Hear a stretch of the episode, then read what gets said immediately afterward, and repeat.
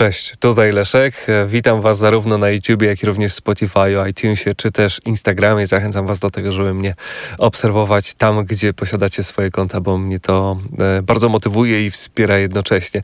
Dziś na temat wydolności i na temat tego, jak być szybszym na rowerze, czy to w butach biegowych, czy też na basenie. Ja zaczynałem od zera i to jeszcze w dodatku z dosyć sporą nadwagą i w międzyczasie miałem okazję święcić zarówno triumfy na miejscu pierwszym od końca, jak i również y, zauważać dosyć wyraźny, wyraźny progres, który był najbardziej kontrastowy wtedy, kiedy zrzuciłem dosyć e, sporą ilość kilogramów i to, z czego musicie sobie zdać sprawę, to, że największy progres zauważycie wtedy, kiedy nie będziecie, nie będziecie obciążeni dodatkowym balastem. Y, powiem wam taką, taką śmieszną swoją obserwację. Y, czasami krążę po świecie i mm, czasami zabieram ze sobą walizkę 20-kilogramową jako bagaż rejestrowany do samolotu. I ostatnio miałem okazję ją dźwigać gdzieś pomiędzy schodami. I wtedy zdałem sobie z tego sprawę, że kurczę, te 20 kilo w tej walizce to jest dokładnie to, co dźwigały moje stopy, czy też moje kolana, kiedy biegałem, czy kiedy jeździłem na rowerze. I uświadomiłem sobie, że to jest absolutna masakra. To samo tyczy się y, chociażby dwóch zgrzewek wody mineralnej gdzieś tam w sklepie. To jest, to są te kilogramy, które kiedyś miałem w sobie w postaci tłuszczu jak biegać z dwiema zgrzewkami, jak, jak biegać, y, czy jeździć na rowerze, ciągnąc za sobą walizkę 20-kilogramową. I całe, całe szczęście, że zdałem sobie z tego sprawę w momencie, kiedy już zrzuciłem te 20 kg, ale to jest takie dla mnie bardzo obrazowe i zarazem być może okaże się motywujące dla tych, którzy faktycznie mają do zrzucenia jeszcze te 20 kg. Wyobraźcie sobie, że możecie zostawić tę walizkę, czy możecie zostawić e, te butelki wody i biec bez nich, czy też jechać na rowerze albo płynąć bez nich. I tak, wtedy, kiedy zakończyłem proces e, odchudzania, kiedy ważę 78 czy też 79 kg, jestem zdecydowanie lepszy, zdecydowanie szybszy, tylko i wyłącznie ze względu na to, że zrzuciłem te kilogramy.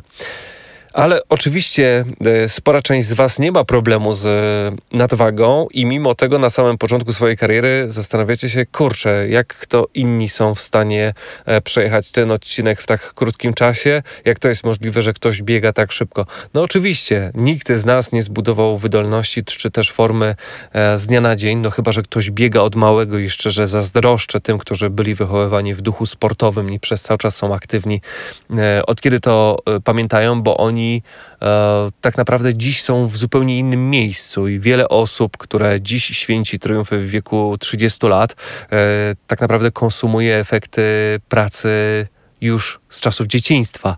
I to jest fantastyczne. Tego należy pozazdrościć. Niestety większość z nas uprawiających triatlon, kolarstwo, czy też bieganie, e, biorących udział w zawodach, robią to od niedawna albo mieli za sobą taki etap, kiedy to nic nie robili i w pewnym momencie y, postanowili uprawiać dopiero sport. I wtedy faktycznie jest ciężko ruszyć z miejsca i może to być wręcz frustrujące, że wsiadamy na e, rower szosowy i ciężko jest nam utrzymać te 31 czy też 32 km na godzinę. E, ja też byłem zaskoczony, że wchodząc przykładowo na bieżnię nie jestem w stanie przebiec z prędkością 8 km na godzinę więcej niż 1 km ale kilka, kilka lat pracy y, nad sobą pozwoliło mi na to, żeby dziś bez problemu przebiec 10 km z prędkością 13 na godzinę, bez większego spinania się. Ale tak, to jest kwestia wydolności. I najbardziej w kreowaniu właśnie wydolności mojego organizmu pomógł mi rower.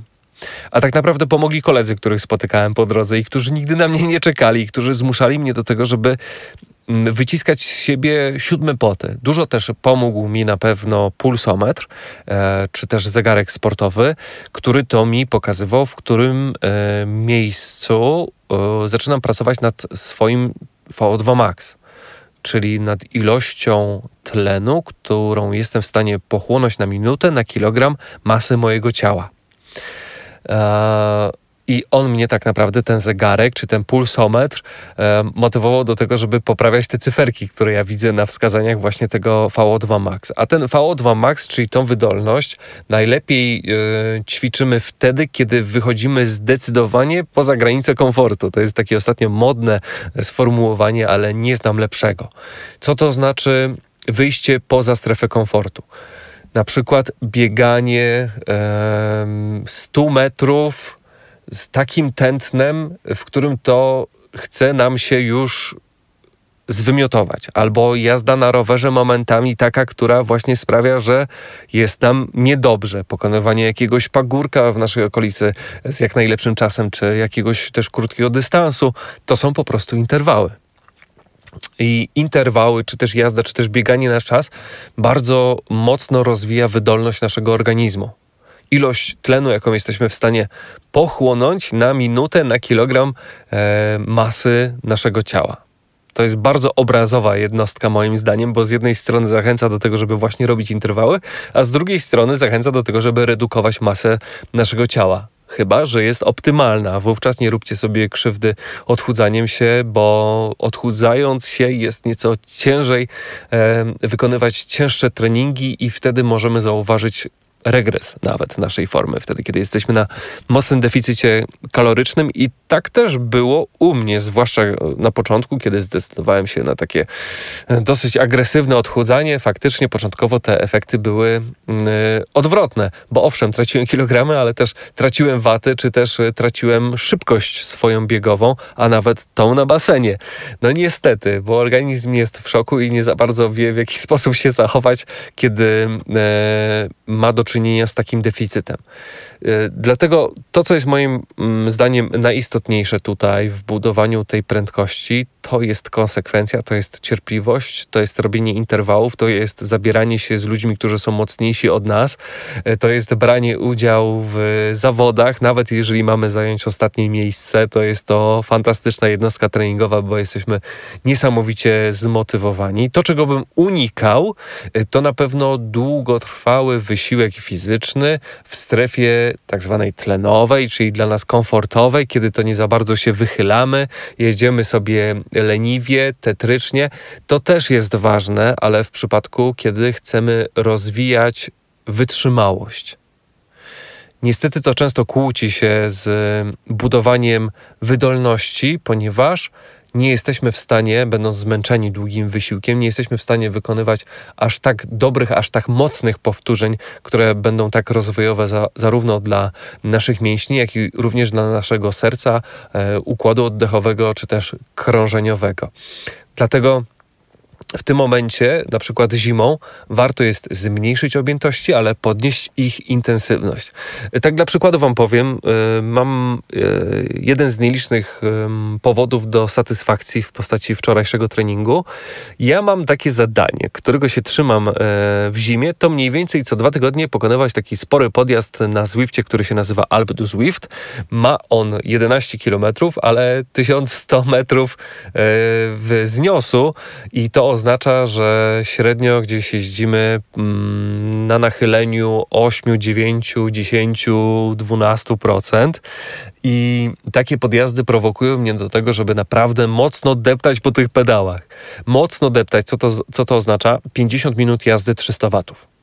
O, to naprawdę jest walka raz z nogami, dwa z głową, ale czuję dzięki temu, że naprawdę jestem coraz lepszy. Zmuszam organizm do tego, żeby przez 50 minut pracował na maksymalnych obrotach i on się do tego będzie musiał zaadaptować. Zarówno nogi, jak i e, także mój układ krążeniowy, czy też oddechowy. Będzie uczyć się tego, żeby lepiej wykorzystywać ilość pochłanianego tlenu i tym sposobem właśnie dalej podnosząc swoją wydolność. I taka dobrze przepracowana zima sprawia, że ja na wiosnę od razu widzę, że zupełnie inaczej układa się ten rower, od razu inaczej układają się te pedały pod nogami i że faktycznie jestem szybszy. I to, co jest też istotne i także dosyć motywujące, to, że zarówno jeździmy na rowerze, jak i biegamy, czy też pływamy tą samą wydolnością. Wydolność to jest podstawa budowania czegokolwiek. E, tak dla przykładu, jeżeli będziemy dobrym biegaczem, to będziemy również dobrym kolarzem, jeżeli chodzi o prędkość, tempo. Oczywiście i w jednym i w drugim przykładu, y, w jednym i w drugim przykładzie e, pracują nieco inne grupy mięśniowe, ale to co najważniejsze, czyli wydolność mamy. Mięśnie się do tego zaadaptują, bo wydolność już mamy. I dlatego fajny jest triatlon, ponieważ jedną wydolnością obsługujemy trzy dyscypliny. Oczywiście układ szkieletowy, mięśniowy e, również potrzebuje treningu, również tutaj potrzebna jest, e, potrzebne jest rozwijanie siły e, mięśniowej, ale u podstawy tego wszystkiego, tym fundamentem będzie zawsze wydolność. No, chyba, że mówimy o golfie albo mówimy o, o bilardzie. Tam faktycznie ta wydolność nie będzie potrzebna. Ale tak czy siak, ona zawsze będzie najważniejsza. A żeby zbudować dobrą wydolność, potrzebujemy interwałów, potrzebujemy, potrzebujemy czasu, potrzebujemy optymalnej wagi i sporej y, dozy cierpliwości. To zawsze równa się ciężkiej pracy, wieloletnich e, przygotowań. Przede mną właśnie czwarty sezon kolarski. Nadal nie zbudowałem imponującej wydolności, ale coś już tam mam.